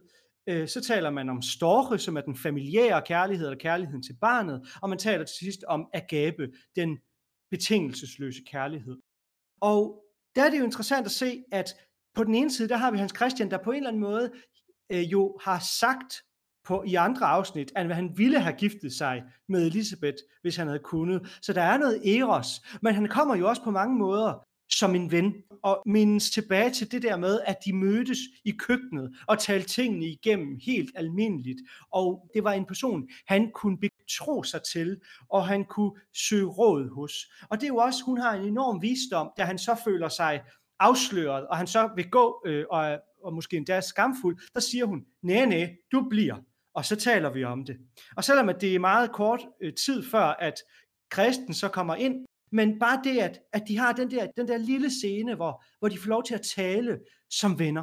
Det er den kærlighed, der er mellem dem, den filia, der er mellem dem, som jeg synes er så smukt portrætteret i den scene. Og det er også en meget ærlig scene, ligesom øh, da, da, han, da ham og Maud snakker sammen dernede i køkkenet. Det er måske i virkeligheden pandangen her, ikke? Altså, ja. Så snakker han også på samme måde meget ærligt øh, med, med Elisabeth. Han, hun kan se, at Hans Christian er ude af sig selv og sådan noget. Og, ja. og i virkeligheden, det er også sjovt, fordi den der sætning der, jeg havde vel, jeg, jeg kan ikke, er det, er det her, eller er det, er det tidligere der, hvor han siger, jeg havde vel valgt dig, hvis jeg havde truffet dig før Maud. Han, hvis det ikke er her, så siger han noget lignende her. Ja, lige præcis. Og, og, men det er jo, og det er jo sjovt nok, fordi det viser selvfølgelig, at der har været sådan, som du snakker om, sådan en, altså kærlighed som Eros, ikke? og der har været en tiltrækning måske fra Hans Christians side, men det er egentlig et sjovt udtryk, det der, altså fordi det er noget, man har hørt før, hvor man siger, jeg havde valgt dig, hvis jeg havde mødt dig før. Det er sådan lidt, det er sgu da ikke sikkert, at Elisabeth overhovedet har været interesseret i at skulle være sammen med Hans Christian. Men det er tiden. Ja, lige præcis. Det siger nemlig noget om tiden. Det er manden, der vælger. Det er manden, der er værven. Det er manden, der frier. Det er manden, der tager pigen ud af faderens hjem. Lige præcis. Så det siger, meget, altså det siger rigtig meget om, om tiden, den ene replik der, synes jeg. Ja, helt enig. Ja.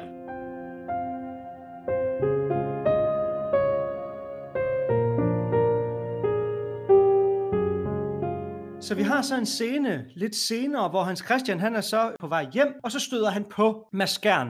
Og øh, der sker der noget meget interessant, fordi at der får de en konfrontation, hvor Varnes jo normalt ignorerer ham, så her kan han simpelthen ikke lade være med at øh, gå til ham. Og øh, du kan jo nærmest citere det uden ad. Ja, altså, jeg har ikke lige, jeg, jeg mener, om jeg har ikke lige skrevet det ned, men det er jo, han, han adresserer ham ligesom og spørger, om han sover godt om natten, og jeg, jeg tager udmærket, for det gør jeg nemlig ikke, for jeg, jeg kan ikke tåle at se mennesker blive ødelagt. Og så siger Mads noget med, at det er der vel ingen af os, der kan. Ej, jeg synes, de klarer det udmærket. Hvordan føles det at, noget med at trampe på folk, og gøre sig til herre over liv og død? Øh, og så, så henviser Mads ligesom til, øh, det, er der, det er der kun en, der kan, og det burde de vide. Og så, øh, altså, så, så var herre, ikke? Og så siger han, hvis det er ham deroppe, de, de mener, så spar mig for deres gudelighed, de er jo fanden selv. Ja. Og så siger han, har de ikke også trådt på mig? Og så siger øh, Hans Christian noget i stil med, at jeg er ikke hensynsløs, jeg udkonkurrerer ikke folk. Hvor til han svarer, nej, for det har de råd til. Præcis. Og henviser så igen også til, til hans bedste far, hvor han siger, om ham siges det også, at han var en hård mand, altså ham, der grundlagde banken. Netop. Så Hans Christians forfædre har også været hårde i filten, altså de har sikkert også været en maskern type. Og det er jo det, der er det fantastiske, jeg elsker den scene, fordi det er det, man i moderne sprog kalder for white privilege. Men vi vil i, i, i altså, lidt mere gammeldags sprog kalde det for privilegieblindhed. Altså, Varnes, han kan være blid, og han kan hvile i alle sine privilegier og i alle sine fordele, og ligesom synes, at alle de andre er hensynsløse, og alle de andre er usmagelige. Men det er jo fordi, de har råd til at sidde i den position, de har de privilegier. Når der så kommer en og siger, nej, jeg vil også have del i de privilegier. Jeg vil også kæmpe mig op, jamen så er det lige pludselig en, der er usmagelig og hensynsløs, men i virkeligheden ja. så gør han det samme som hans forfædre har gjort. Prøv at tænke på aristokratiet, baronesser og, ad, og adelen, og den tale, de har om sig selv, men der er det jo Nobel oblige, altså at, øh, at det at være adelig forpligter. Men hvad kommer det af? Det kommer altså af et feudalsystem, hvor du, hvor du simpelthen smadrede og bekæmpede dine naboer for hver eneste lille tynde land. Og den, der var mest hensynsløs, det var ham, der blev den største greve. Ja, lige præcis. Det, det, altså, Hans Christian behøver jo ikke at være øh, hensynsløs, for det har, han haft, det har hans forfædre været før ham sikkert. Ikke? Præcis. Altså, så, ja, så det... Øhm... Men jeg kan godt lide den scene, fordi at det er den her privilegiebindhed. Ja. Det er meget sjovt, at når folk, der har privilegier, de bliver konfronteret med deres privilegier, så det de gør, det er, at de siger, ej, nu er du urimelig. Ej, det, sådan burde man altså ikke gøre tingene. Eller, ej, du skal spille på nogle andre præmisser. Og det er typisk nogle præmisser, hvor de selv kan overleve i deres egne privilegier, og de selv kan bibeholde deres øh, fordele, uden at, blive, uden at der bliver stillet spørgsmålstegn ved de fordele, som de har opbygget igennem generationer. Ja. Og der er der jo så ikke noget racialt her. Nu sagde jeg white privilege før. Der er så ikke noget racialt her, for det er jo to hvide mænd, der bekæmper hinanden. Men, men vi ser jo sådan en pangdang i moderne samfund, hvor man jo så vil tilføje flere aspekter. Men her kan man jo så tale om, at her det er udelukkende nogle økonomiske aspekter. At der er en mand, som har sparet sig op til at være en del af det bedre borgerskab. Ja, ja det, er, det er fuldstændig, altså det er en, jamen, det er en god analyse.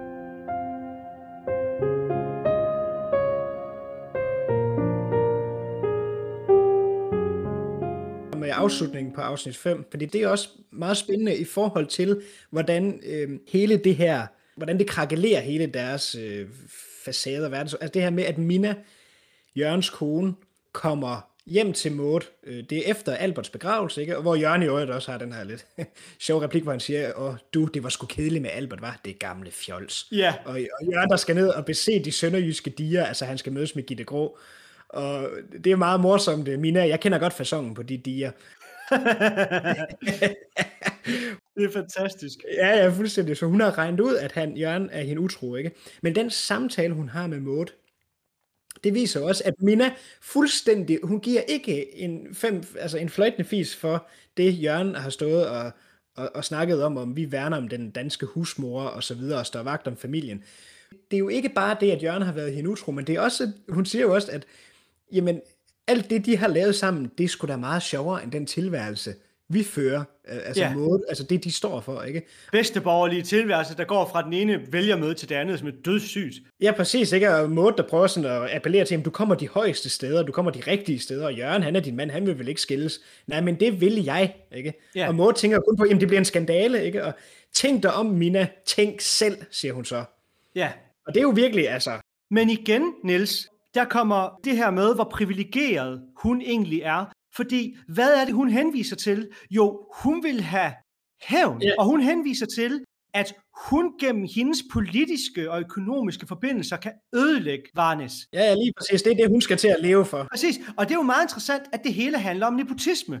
Det er ikke sådan noget med, at han kan lave en politisk karriere som skilt og så videre. Nej, nej, nej, nej.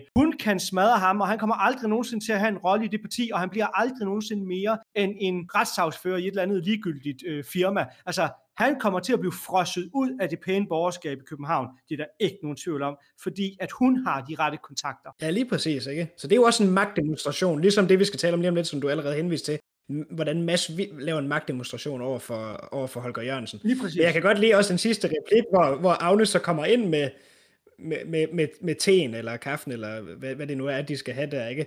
Hvor Mås siger noget med, at uh, tage det ud, altså, skrub af for fanden, ikke? Ja. Altså, der, der, bryder, der, der, der er der maskefald på en eller anden måde, ikke? Altså, der, der krakelerer det også for hende, ikke? Altså, hun kan simpelthen ikke rumme den kommende skandale, som det her, det vil, øh, det, det vil føre med sig. Ja.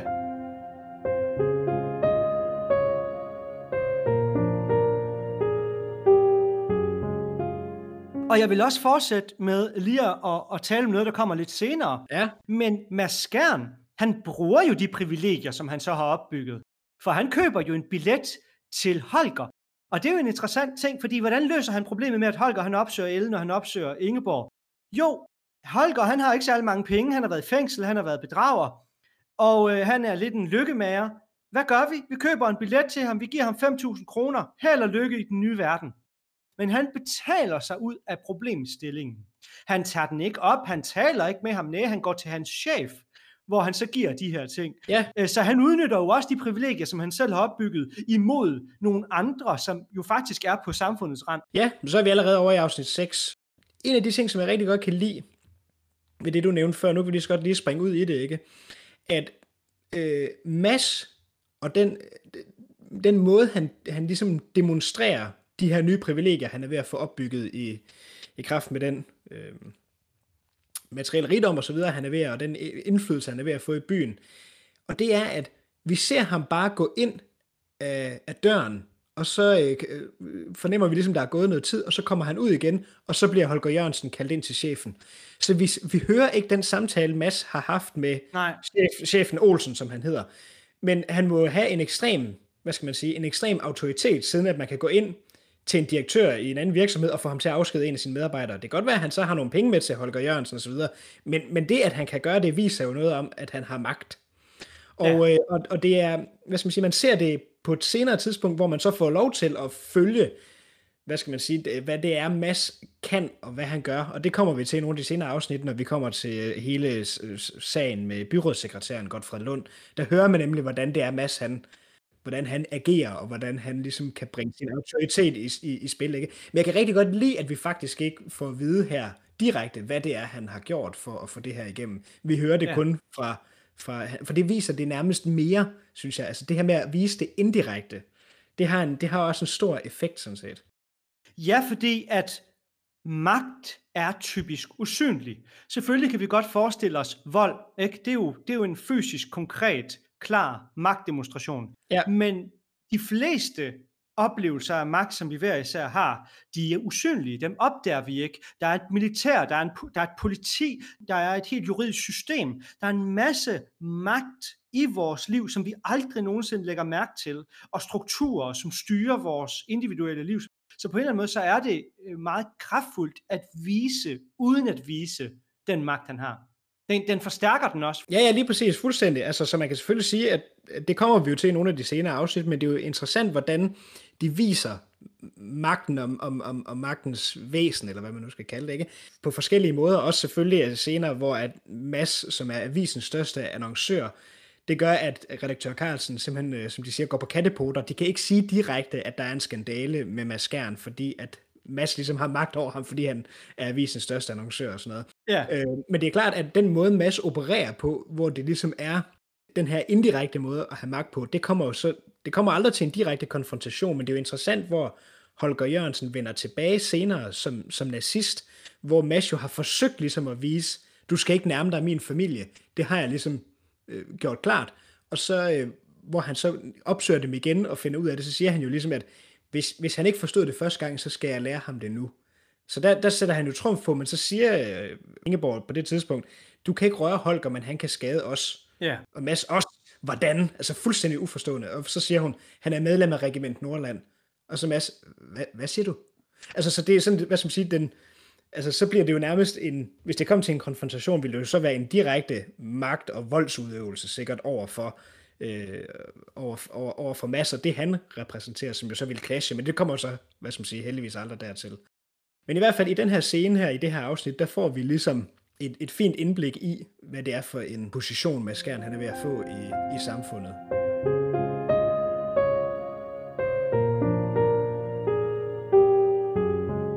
Netop. Og videre i afsnit øh, 6, er der så noget, som du har lagt mærke til, øh, som du vil tage fat i? Altså, der er et par enkelte ting, og det er måske også fint, fordi det, jeg kan ikke lige huske, om det så er overgangen, om det er noget, som også er i afsnit 5 og 6. Men i hvert fald, så øh, synes jeg, der er noget interessant i at stille Arnesen og Arnesens øh, Alberts død op imod sådan en figur som Hashvan, fordi at der er sådan nogle, hvad spiser, der er nogle grads forskelle på de to. Øh, for det første synes jeg, at det er sådan lidt interessant, fordi man hører jo, at Hashvan har kastet penge i foretagendet, altså 10.000 kroner. Albert har solgt bilen og sommerhuset. Jeg ved ikke, hvor meget det kan være værd. Jeg vil mene, det var omkring 30.000 for sommerhuset, og så har han fået indskuddet fra Vickys mor på 40.000. Ja, ja, lige præcis. Det, siger, det får vi jo at vide her, ikke Oberst Hakkel, der har skudt de her penge i. Og plus minus 100.000 er der blevet skudt i. Så hvis man lægger det, ja lige præcis, hvis man lægger de penge sammen på den her tid, det er rigtig mange penge, Albert har formøblet på relativt få år. Ja. Og, og så man kan sige, altså, det kan godt være, at Mads Skjern er ham, der ligesom har været dråben Øh, men Albert, det må, han, det må have knirket, inden han kom til, fordi det kan da ikke passe, at han har kunne haft så stor en omsætning i damernes magasin, så det, altså, det han ligesom synes at mangle her, som han så kaster alle de her penge i, som han får. Det undrer jeg mig bare lidt over. Lageret er tomt, butikken er halv tom, altså det, det må være forbrug. Hvor, hvor forsvinder pengene ellers hen? Ja, lige præcis, men jeg tænker bare, at i første afsnit, inden Maskeren ligesom begynder, hvor de så har en omsætning, og det har nogle kunder, han kan vel umuligt have tjent så meget, at han ligesom har kunnet opretholde den levestandard, som, som, det, som når han så ikke har den omsætning, så skal han ja. skyde 100.000 i det over nogle få år. Han kan da umuligt have tjent så mange penge dengang. Nå, men i hvert fald, det var, det var noget, jeg undrer mig over. Det kan jo godt være, at det ikke rent, altså sådan, hvis man spørger en økonom, og man går tallene igennem, at det så i virkeligheden ikke giver mening, men, men det er måske heller ikke vigtigt for selve fortællingen. Det viser, at han lever over evne, og han bruger ja. mere, end han har. Ikke? Netop. Men det er også interessant, fordi at det viser også noget om, at Albert er fuldstændig afhængig af penge, den kapital, han har, øh, som også giver ham en status i, i samfundet osv., i modsætning til Hashvan, ikke? som fru Violet siger, hvor Hashvan står der, og det kommer vi også, der er også en god scene, hvor han er inde ved Maskern, men i hvert fald... Ja, den vil jeg også gerne tale om. Ja, han evaluerer ligesom over hele det her frygtelige kulturelle kollaps, der ligesom øh, han, han er havnet i, hvor han siger, at det var bedre, om man lå dernede øh, og, og var død, ligesom alle de andre, tømmerhandleren, købmand Munk og chefen, altså Albert. Og så siger fru Violet jo, at os, der aldrig har ejet så meget, for os gør det ikke så stor en forskel. Ja. Yeah.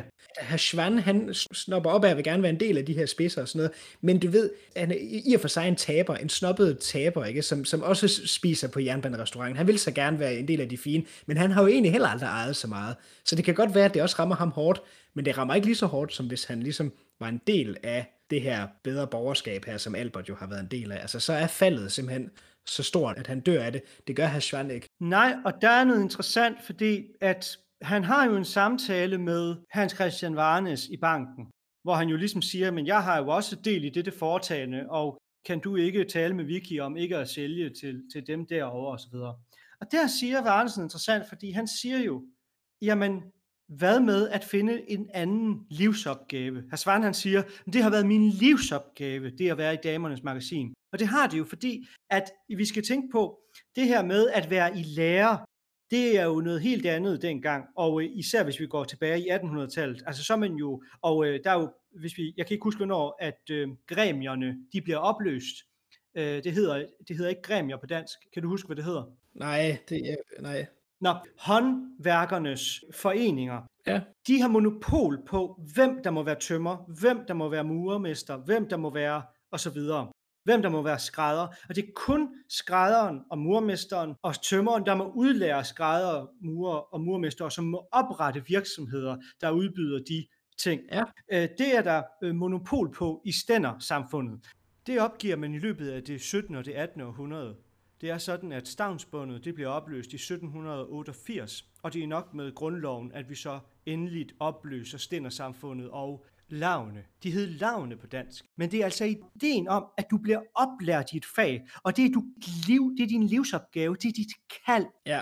Altså du er kaldet til en bestemt form for stilling, og den har du igennem hele dit liv. Og den virer du dig fuldstændig og lojal til. Det er den verden, som herr Svan er vokset op i, og som herr Svan tager for givet. Men sagen er, at det rent juridisk og institutionelt, så er det ikke længere sådan. Nu kan du oprette en tømmervirksomhed, hvis du vil. Så er du sandsynligvis en særlig god tømmer, hvis du ikke er blevet udlært i, af en tømmer. Men du kan oprette en tøjforretning, som Maskern gør. Skrædderne har ikke monopol ja. på tøjforretningerne osv. Så herr Svan man skulle jo egentlig tænke, at slaget mod Hasvan er ekstremt voldsomt, fordi det går helt eksistentielt. Det hele hans kald, hans livsopgave. Men der er han faktisk tilstrækkeligt bredsynet, på trods af hvor snævsød han er. Han er.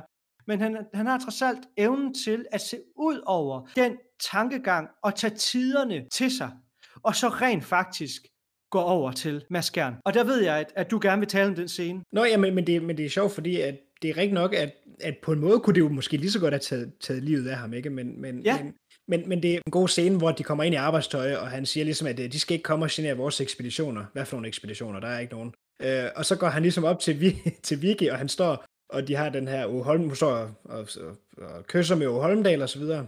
Og han er meget overlegen i den her, den her scene her, ikke? Øh, ja. Hvor at, øh, det der med at sælge til, de, til dem på den anden side af gaden, hvad ville herr Arnesen sige, hvor Holmland så siger, ja, herr Arnesen er jo desværre forhindret i at tilkendegive sin mening, så nu gælder det de levende.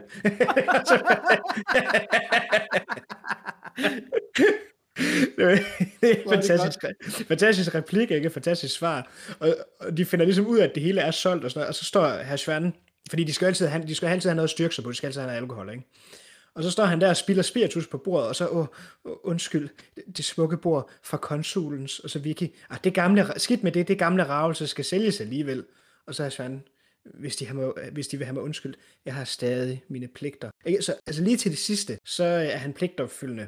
Men, men så er det jo der, hvor han så forsøger... Ja, men også kontrasten, hvor at for ham, der er alle de fine ting, den bolig, den er fyldt med klenod, det er, ikke, det er faktisk ikke klenodier, for det er jo os, der ser det sådan. Den er fyldt med værdigenstande, og for hende, der er det gammelt bras. Ja, ja, lige præcis. Ja, som, jo, klenodier, altså, men man kan sige, Jeg tror ikke, at de er nødvendigvis, jeg ved ikke, om de forældre, der har haft affektionsværdi, men de repræsenterer i hvert fald det her familiedynasti. Ja, netop. Ja, så, det, så opsøger han Hans Christian i banken, og, ligesom, og dermed han kalder ham den førende mand i byen. Jeg kommer til dem som den førende mand i byen, ikke? Så, så han, må kunne gøre noget, han må kunne gøre noget ved det. Man kan sige, det er jo lidt sjovt, fordi hvis, det nu, hvis man nu tænker på, hvilken magt Maskern har øh, senere, hvis, hvis der var kommet en tilsvarende til ham, hvis han, hvis han gerne ville have forhindret salget af en ejendom, så, så kunne han sikkert godt have gjort det. Men, men altså, sådan, en, sådan, en, sådan er Hans Christian jo ikke, han har jo ikke den samme type magt. Men det er jo også sjovt det her med, at han så siger, at de kan jo nå at påtage dem en ny livsopgave, føre de fine gamle traditioner videre. Kan de ikke se det?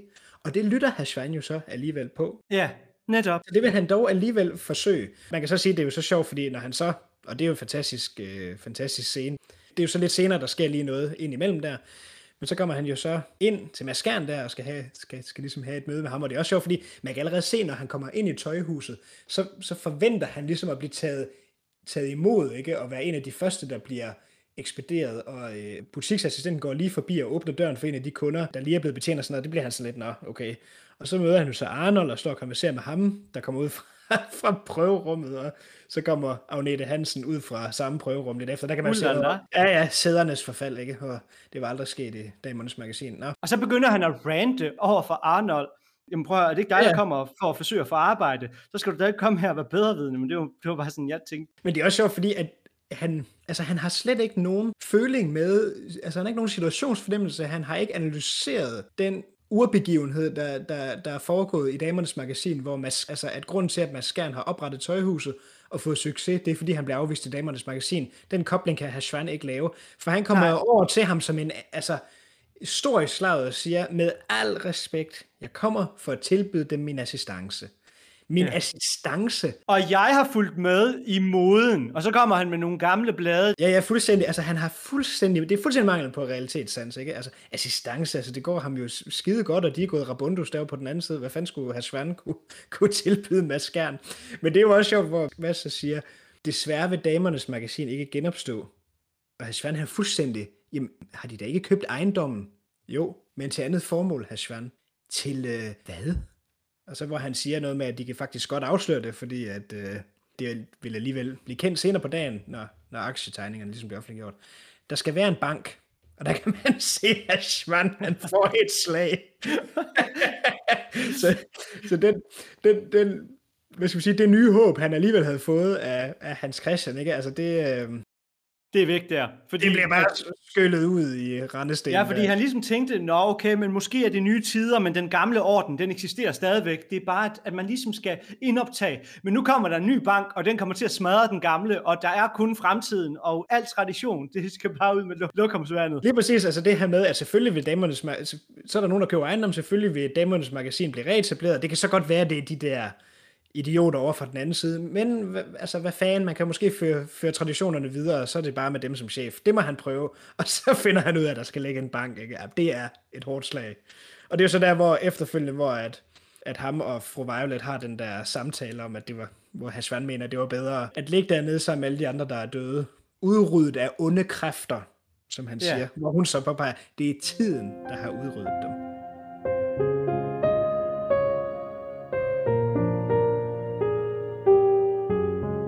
Det, det er jo så morsomt, fordi så, sen, så der senere, så, så kommer Hans Christian hjem efter, at de ligesom, så, så, hvor det så er blevet kendt, at han har der skal oprettes en bank, og de har noget med bestyrelsen, og han, han, han er en presset mand, ikke? og han kommer hjem, og han er fuld. Yeah. Og det er jo der, hvor det er fantastisk, hvordan mødet, måde der spørger til, hvordan mødet gik til hel, øh, med Jørgen, til helvede med Jørgen, og, øh, og til, ja, til helvede med, med mødet, og til helvede med Jørgen. Og så Morten, sådan skal du da ikke tale til mig. Ja, til helvede med, og så stopper han så godt nok alligevel sig selv. Ja, fordi vi ved alle sammen godt, hvad, hvad jeg skulle til at ja, sige der. Ja, lige præcis. Og der er det så også Maud, der i samtale med Elisabeth bagefter, fordi Elisabeth kommer på besøg. Hvorfor skal jeg straffes? Jeg synes da altid, jeg har gjort, hvad man ventede af mig. Og Elisabeth, øh, det er måske fejlen, ikke? Tænk, ja. hvis du var sprunget ud på det dybe dengang, og så videre. Så, så der er igen den her med at ligesom klæbe sig fast til øh, det, man håber. Men der vil jeg også bare sige, at at vi skal ikke tro på den romantiske forestilling heller. Så altså, hvis hun var sprunget ud på det dybe hav, men så var hun sandsynligvis blevet fattig. Det kan endda være, at hun har fået slået hånden af sig, fordi at hun blev gift altså i 1910'erne, eller hvornår det er, hun bliver gift. Altså, så det der med den der romantiske, åh, hvad nu hvis jeg var løbet af sted med tegnelæreren? Jamen, ved du hvad, så kan det være, at I havde haft fem gode år, og så havde I brugt 80 år på at leve i randen af fattigdom. Ja, ja, altså man kan sige, at den figur, som nok skaber mest modvægt, også her i de her første afsnit, til hele den her privilegieblinde og, og de nedarvede privilegier, det hele den tilværelse, som Motor Hans Christian øh, ligesom repræsenterer, det vil jo så være Jørgen, der lever meget mere frit som sådan en dandy og sådan noget, sådan, den her ja. 1920-figur. Men ham går det jo også dårligt. Altså det er jo også, han har måske nogle gode år med Gitte Grå, men, men han ender jo i hunden, han går jo i hunden, Jørgen. Jo jo, men han bliver jo straffet for netop ikke at leve op til samfundets betingelser og samfundets øh, hensyn og forventninger. Det, der er jo interessant, det er, at hvis man tænker på den viktorianske æra, og man tænker på de her mennesker, som lever det her dobbeltliv, som Jørgen Varnes gør, jamen de skal jo leve det på en måde, hvor de fortrænger fuldstændig den anden side. Og det gør ja. han jo ikke. Han er jo slet ikke hemmelighedsfuld nok. Han fortrænger slet ikke tilstrækkeligt hans lyster og hans verdenssyn i hans almindelige omgang. Men jeg synes faktisk ikke, at det, men det, det er faktisk slet ikke så sort-hvidt, hvad skal man sige, så udstiller de ligesom hyggeleriet, for det er ikke nødvendigvis sådan, at det går Jørgen dårligt, fordi at han har en, en svækket moral, eller hvad skal man sige, at han ikke står vagt om familien, fordi så kommer konsulen øh, ind sammen med Bernard Lund fra hovedbestyrelsen, som de siger, fabrikant Lund fra partiets hovedbestyrelse, altså. Ja. Øh, og, og skal ligesom tale om Jørgen og Jørgen der, og det er også meget sjovt, de kan ikke rigtig få sig selv til at sige det over for Hans ja, Christian. Jeg må faktisk indrømme, at jeg blev lidt irriteret på den scene, fordi jeg synes, det er, jeg synes, den er patetisk, og jeg synes, det er utroværdigt. Jeg kan simpelthen ikke forestille mig, at to erfarne mænd, der kommer med det ærne, ikke kan tale lige ud af posen det blev sådan lidt fortænkt, den der scene, men det er måske bare lige min smag. Ja, ja, men det, det, ja, men det ved jeg ikke. Jeg synes, den er meget morsom, men jeg synes, det interessante ved den er, de selvfølgelig vil tale om Jørgens udskejelser, og det kan, han er på vej ud i noget, som deres vælger ikke vil have. En konservativ folketingskandidat kan ikke have kluder i sit ægteskab. Ja. Og det er jo, hvad skal man sige, meddelelsen ud af til. Men så siger konsulen jo noget. Det er almindeligt kendt, at det knager på grund af et eller andet fruentimmer. Og han siger, ja, vi kan sgu alle have vort, men vi gør det sgu i dølsmål. Altså ja, underforstået, præcis. Det er ikke nødvendigvis forkert, at han har øh, affære og en elskerinde og sådan noget, fordi det kan vi sgu alle sammen have, men for helvede, sørg nu for, at det ikke bliver opdaget. Altså, det er så, jo det. Så det udstiller jo hyggeleriet, ikke? Så det går Jørgen dårligt, fordi han bare, altså han er uforsigtig. Det er også det, jeg mener med den viktorianske æra, at, at det er et decideret dobbeltliv. Og det er det, som Jørgen ikke formår. Han formår ikke dobbeltlivet. Altså det, han gør, det, der kommer han til at blande de to sfærer ind i hinanden. Og det ja. må han ikke så går det galt. Ja, lige præcis. ja, der kommer jeg til at tænke på øh, det sidste afsnit af, af, af, af Kloven i 6. sæson, øh, Falsk, Falsk Lortealarm, hvor at, øh, de snakker om, at, at Frank skal, skal fri til Mia, og det forstår han ikke rigtigt, hvorfor han skal, fordi at, altså, det, og så siger Kasper, jamen det giver hende jo en sikkerhed, hvis, hvis, du, hvis I gifter hvis, hvis I gifter jer, og så siger han, jamen, hvorfor skulle det være mere sikkert at gifte sig? Du har da aldrig knaldet så meget ved siden af, som siden du blev gift. Og Kasper, nej, men hvad siger det der? Det siger, at Iben ikke aner en skid, og hvorfor gør hun det? Fordi hun er tryg, tænk dig nu om. Og så siger han, jamen, så herover der har jeg lige, den ene hjernehalvdel, det er Iben og noget med hende, og den anden hjernehalvdel, det er noget med nogle damer, og noget, men faktisk har et rigtig dejligt liv. Og så længe jeg ikke krydser de to, så, øh, så, så kan jeg faktisk have, have, det rigtig rart, og så, så længe Iben ikke aner en skid, ikke? Det er det der med at holde sfærene adskilt, ikke? Det synes jeg bare, ja, det er meget sjovt. Ja, ja. ja, ja.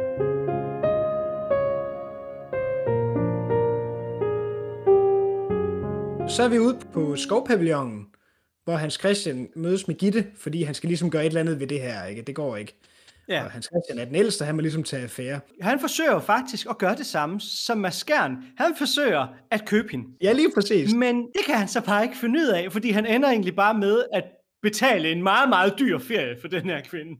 Ja, lige præcis. Hun ja, hvor Mads Skjern jo formår at give Holger Jørgensen en uh, enkelt billet til Canada, ikke? Så får vi ligesom at vide, jamen hun bliver sendt med det her Queen Mary, eller, men hun kommer jo hjem igen. Og det er simpelthen så morsomt, ikke? Fordi, som du siger, han, for, han formår det, ikke? Men også læg mærke til her, at de mødes jo ude på skovpavillonen.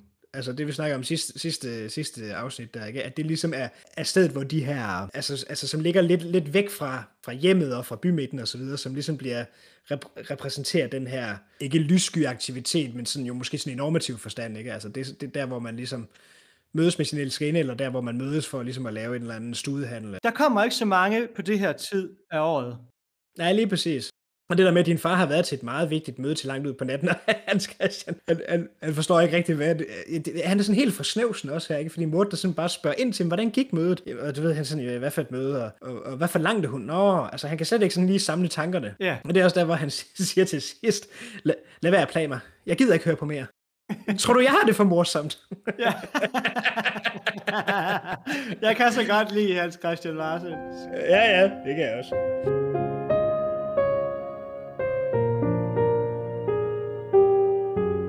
Så en karakter, som jeg virkelig elsker. Altså, jeg, jeg bliver bare glad i hjertet, hver gang jeg ser ham. Det er Oberst Hagel. Den mand øh, gør mig bare så glad. Jeg synes, han er så sjov, og han repræsenterer den her altså, svundne verden, som jeg på en eller anden måde skal forsøge at forstå og komme ind i. Og øhm, det, der jo sker, det er, at han er, han er taget hjem til Vicky for at hente hende. Og han bliver glad, fordi hun er allerede i gang med at pakke, og øh, de, øh, går, de går jo selvfølgelig i gang med et skænderi, og øh, Dr. Hansen han kommer ind og afbryder dem. Der er også en anden scene, hvor Dr. Hansen kommer ind og afbryder dem. Så han er ligesom, det er meget sjovt, hun er den moderne verden, og han er den gamle verden, og Dr. Hansen, der kommer ind og afbryder skænderiet to, i to ombæringer, så han på en eller anden måde medierer bevægelsen fra det gamle til det moderne. Er der udbrudt krig? Ja, lige præcis, det spørger ja. han. Og det, der er interessant, det er, at for Oberst Hagel, så har Vicky to muligheder. Hun kan vælge kasernen eller et sindssygehjem. Og så, ja. da det går op for ham, at hun vælger København, så kommer den tredje mulighed, som er så vanvittig, at det eneste, han kan sige dertil, det er, at han slår hånden af hende. Og det er jo en fantastisk scene, hvor vi ser den gamle verden forsøge at bruge sin autoritet til at styre den her enkefrue, hvor det så fuldstændig mislykkes, og hvor hun så smider hyggeleriet i ansigtet, jamen du har da været sammen med alle de der kvinder, når mor... Ja. Og der siger han, det er anderledes med mænd. Og det køber det køber Dr. Hansen ikke, som er netop den her mediation mellem det gamle og det moderne. Han siger, hvor ved de det fra? Det er aldrig videnskabeligt bevist. Præcis, og der ser vi altså Dr. Hansen, der medierer mellem den gamle og den nye ja. verden. Og det ender jo så med, at Oberst Hagel, han tager afsted, og at øh, Vicky, hun tager til København. Men jeg elsker bare scenen, fordi at det er tiderne, der clasher, og så Dr. Hansen som mediatoren. Han er med andre ord, altså jeg har lyst til at sige, han er Debussy mellem Stravinsky og Händel. og det er jo ja, det er, og det er jo fantastisk, øh, fantastisk øh, dialog, de har, der er en fantastisk diskussion, ikke, de har, fordi som, som du siger, det der med, vil du hellere på et hjem for forvildede, forvildede kvinder? Præcis. Og, og vi kan da ligesom sige det der med, at dine eskapader, hver gang du har sendt mor på kur, og så siger han det der med, at din mor var sværlig, og ikke en ja. lystig kvinde. Tror du, Albert var særlig morsom? Sådan siger kun en flane om sin nylig afdøde mand. Men senere kan man godt sige det. Jeg hader jeres hyggeleri. Og det, er, det er virkelig hyggeleri, ikke? Ja. Det er så godt. Jamen, ja. jeg mener virkelig, det er hver gang Urs Hakkel han kommer ind på scenen, så får vi de her vanvittigt fede dialoger, der virkelig bare sætter alt på spidsen, og hvor vi virkelig, der er så meget at trække ud af det. Ja, men også, det, det, viser, det viser også noget sjovt om ham, ikke? At, at Albert har kunnet narre 40-20.000 kroner øh, ud af ham til at spytte i, i damernes magasin. Øh, altså, Obercycle har jo heller ikke overhovedet haft, altså, kunne, kunne se, at det der, det var en, det var en ruin, eller du ved, altså Nej. han har slet ikke fulgt med, eller kunne, kunne analysere øh, den situation. Nej, han er en helt anden verden. Men det der, der kommer nogle, øh, og jeg kommer helt sikkert til at tale om, om det patriarkalske, eller det, den mandsdominerede verden, som, ja. de, som de lever i. Og han siger jo, så siger hun, jamen, hvorfor har du ikke spurgt mig, eller hvorfor er jeg ikke blevet inddraget i, hvad der er blevet gjort af min mors, øh, hvad hedder det, arv? Og så siger han så... Den slags diskuterer man jo ikke med en kvinde. Præcis. Øh, og så insisterer hun, og så siger han, du var jo gift med ham. Ja, lige præcis. Så ja, så er der slet ikke invol- invol- involveret hende i det jo. Nej, fordi hun var fruen. Hun skal ikke ja. involveres i penge. Hun er hans datter. I det øjeblik, hun bliver gift, så er hun Alberts ja. frue. Ja, ja, lige præcis. Altså, hun er ikke et individ. Nej. Og så bliver hun enke, og så skal hun hjem og bo hos ham, indtil at hun kan blive gift gift videre igen, efter en passende sørgeperiode. Ja, ja, ja, lige præcis. Lige præcis. ja, det viser den her scene jo meget godt, hvor Dr. Hansen jo så netop som altså en slags fornuftens stemme, eller... Det er ikke videnskabeligt bevist. ja, det, det er meget morsomt. Ja, jeg elsker virkelig den scene.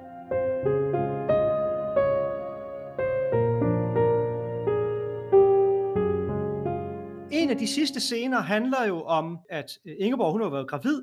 Hun har jo så født den nye dreng, Erik. Og øh, der kommer vi jo igen ind i det her livsdødstema. Ja, lige præcis. Altså der bliver ligesom bundet en sløjfe på i hvert fald de her to afsnit. Ikke? Den ene stød, den andens brød, ja, eller måske den andens fødsel. Ikke? Så der, vi får graviditeten i femte afsnit, og så fødslen og dåben her til, til, til sidst i det her øh, afsnit. Så det viser også meget godt, at så er Albert død, og Albert repræsenterer jo ligesom den her gamle verdensorden, og så kommer der en ny til. Og det er jo faktisk også sjovt, fordi altså, det er jo ikke, altså, Erik viser sig jo også at faktisk repræsentere noget helt andet, end Maskern gør. Så han viderefører ikke det her familiedynasti her. Øh, han vil jo være atomfysiker, for at vide senere, så det er jo... Ja. Men, øh, men, det er jo, men det er nemlig interessant, fordi det ligesom binder den her, binder den her sløjfe. Og det er jo egentlig sjovt, fordi at under den scene der, der får vi så at vide, at han skal hedde Erik Skærn. Hvor bliver Andersen af? Eller øh, ja, han glemte Andersen, det hedder vi ikke mere. Og, og hvad, hvad, tænker du, hvad, hvad tænker du om det? Hvad skal vi ligge i det? Der skal vi ligge i, altså sådan som jeg forstod det, genfødslen. Så det er genfødslen som familie, som kollektiv. Nu er man ikke længere en send. Andersen er simpelthen for almindeligt et navn, eller hvad? Han det er for almindeligt, og det er øh, en sønnesøn. Hvorimod et skærn, det er en by. Ja. Det er noget, der er meget mere bestandt. Det er det første, jeg tænker. Det næste, jeg tænker, det er, at det er fordi, at vi i det her afsnit får cementeret, nu har Mads begyndt at få magt. Han kan sende Holger til Amerika. Hans magt er cementeret med, at nu har de et familiedynasti, som hedder Skærn. Ja, og det, og, jamen det er sådan, øh, det synes jeg er en god læsning af det faktisk. Det er på en eller anden måde byggestenen til et familiedynasti. Det, der bliver lagt med dåben, at vi døber ja. Ja. familien Skærn.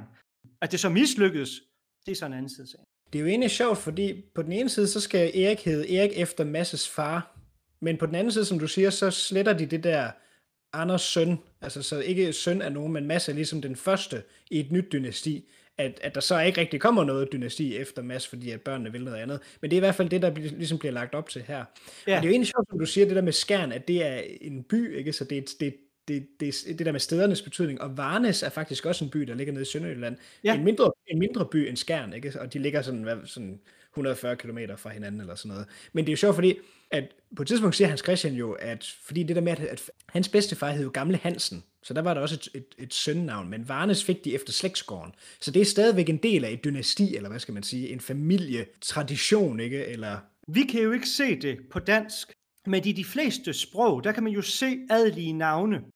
Øh, På tysk, der hedder det von. På spansk, ja. der hedder det de.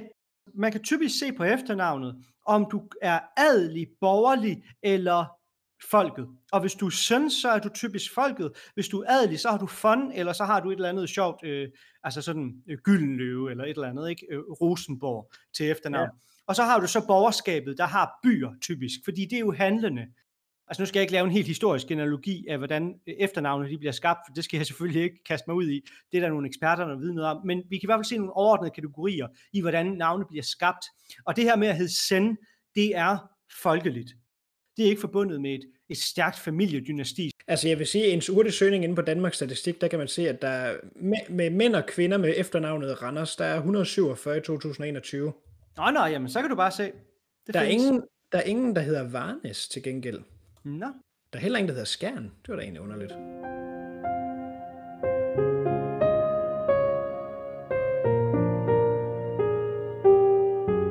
Jeg synes også, der er noget, jeg vil nævne ved det her afsnit, og det er, hvor meget kirken fylder. Fordi det er første afsnit, hvor vi rent faktisk er inde i kirken, vi ser præsten, og vi ser øh, flere gange, at de tager i gudstjeneste. Det er også det der med, at de kommer i bil og sådan noget. Men øh, det er interessant, hvordan kirken den er til stede, uden at være det. Og den læsning, som de laver, det er jo, at man skal tage imod Lad de små børn komme til mig. Til Guds rige hører sådanne til. Sandelig siger jeg æder, den der ikke tager imod Guds rige som et lille barn, han kommer slet ikke ind i det. Og der kan man ikke lade være med at tænke over kontrasten til sådan en som Maskern, som hører han det? Jeg forestiller mig ikke, at Maskern nogensinde accepterer det synspunkt. Altså for ham, der er verden meget mere materielt magtfunderet. Ja, og det viser vel, altså den, det blik, han har til sidst, hvor han ligesom står kigger ud. Altså, jeg, jeg jeg ved ikke, jeg har altid forestillet mig, at han står og kigger på, hen på Hans Christian med det der, med det der, med det, med det der blik der, ikke? Og, og, hvor man så kan høre i baggrunden. Altså, det viser jo også noget, måske noget status og noget magt, at det der med, nu er jeg ved at etablere mig og etablere et familiedynasti, ikke? Altså, det er jo det, der Netop. ligesom symboliserer, ikke? Altså, så, så det er på en måde, dåben bliver næsten en magtdemonstration for Mads, i det blik der, synes jeg. Tusind tak for at lytte med, og vi glæder os til, at I er med næste gang.